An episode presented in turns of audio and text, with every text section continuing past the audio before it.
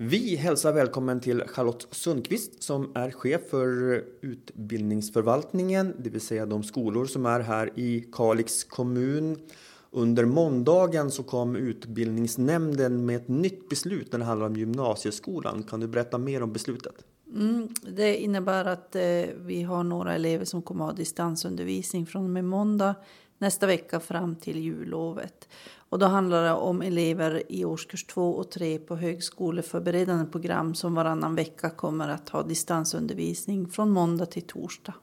Vad är anledningen till att man har fattat det här beslutet? Anledningen är ju för att minska smittspridningen, minska antal elever som är samtidigt på skolan. Generellt Charlotte, när vi tittar på läget när det handlar om er förvaltning, hur är läget? Vi ser en ökande antal både elever och lärare som är hemma. Eh, vi har väl få bekräftade covidfall i dagsläget men många som har testat sig men ännu inte fått provresultat. Hur har ni här funderat när det handlar om information? Eh, vi går ut på respektive skola och informerar föräldrar och elever om att det finns smitta och om vi har fått det bekräftat. Finns det idag planer på att stänga någon verksamhet när det handlar om det läge som är just nu? Inte just nu, mer än att vi då har gått över till distansundervisning på gymnasiet, eller gör det från och med måndag. Vi, vi avvaktar ju också vad man säger från centralt håll.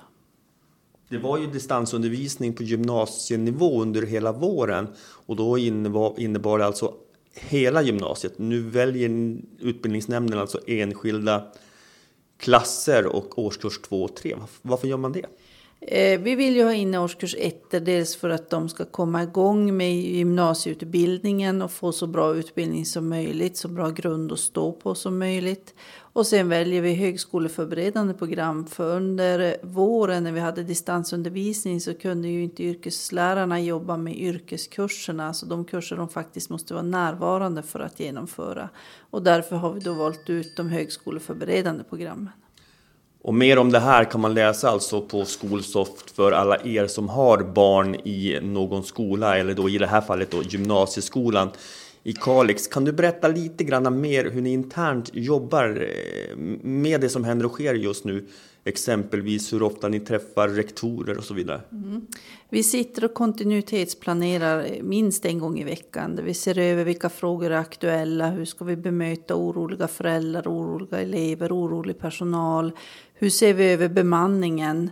Eh, och då tittar vi ju på hela utbildningsförvaltningen. Om det, om det krisar så måste man gå över i andra verksamheter. Vi måste göra allt för att hålla igång vår verksamhet eftersom den är väldigt viktig för att vi ska kunna ha vård och omsorg i samhället. Om inte föräldrar kan lämna barnen till förskola och skola så stannar ju hela samhället av. Vi är inne i en period där man har, om man har minsta symptom, minsta symptom så ska man alltså vara hemma och det kan ju innebära exempelvis att, att många är hemma just för att eh, man får inte gå till jobbet och det kan ju innebära minskat antal elever men också lärare. Så, så är det. Vid minsta symptom ska man vara hemma och eh, de yrkeskategorier som kan jobba hemifrån ska ju jobba hemifrån. Nu är ju inte lärare generellt en yrkeskategori som kan jobba hemifrån. Viss del av arbetstiden kan man vara hemma och jobba hemifrån men inte all arbetstid och det är de ju inte ensamma om i samhället. Men eh, vi försöker minska på antal personer som är i våra byggnader och lokaler just för att minska smittspridningen. Så de som kan arbeta hemifrån ska göra det. Och det här är alltså ett sätt som man har gjort då med de enskilda programmen på gymnasienivå att man eh, minskar antalet personer egentligen på skolan. Det är lite grann också i förebyggande syfte att minska smittspridning. Det är i förebyggande syfte, absolut.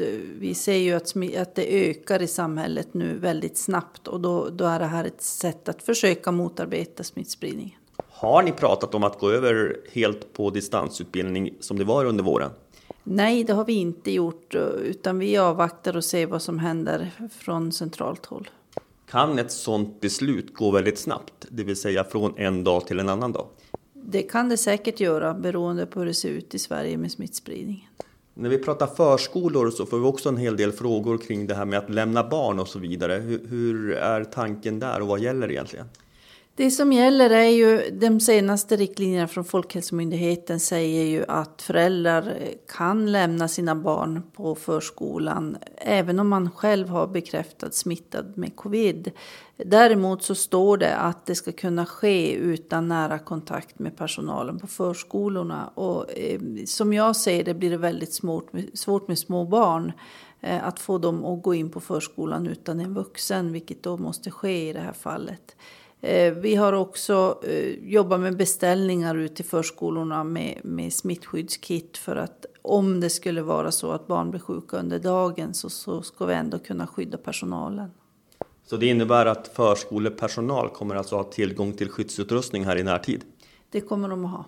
Men just det här med att lämna små barn. Eh, som du säger så, så, kan det ju vara svårt att bara lämna ifrån sig ett litet barn och inte komma i kontakt med personalen. Det där känns som ett, ett problem.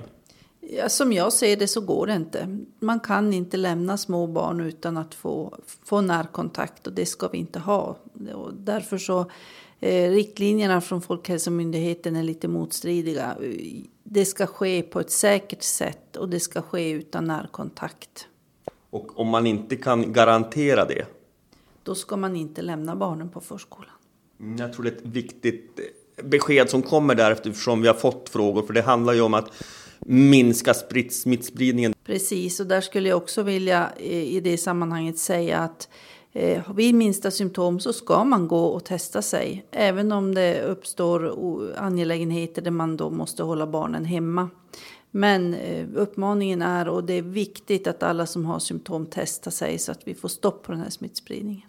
Om vi summerar den här podden lite grann så konstaterar vi alltså att utbildningsnämnden har tagit ett beslut om att enskilda mm, program på, på Furuhetsskolan då ska ha mm, distansundervisning vissa dagar i veckan och vissa dagar ska man vara på plats. Och syften är alltså att, att eh, minska antalet personer eh, på skolan. Precis, minska antalet personer i byggnaden så att vi, vi inte får så mycket smittspridning.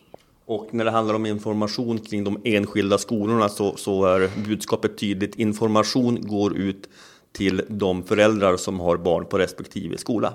Jajamän, man kan vända sig till Schools Tempus eller om man har enskilda frågor även naturligtvis till rektorer och lärare. Till slut bara Charlotte, det är tufft nu.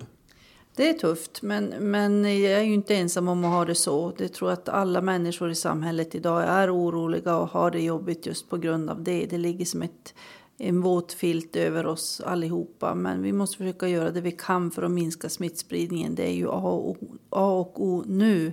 Och att få personal som kan gå in när vi har andra som är sjuka, det är jätteviktigt. Och vi måste hjälpas åt med det här.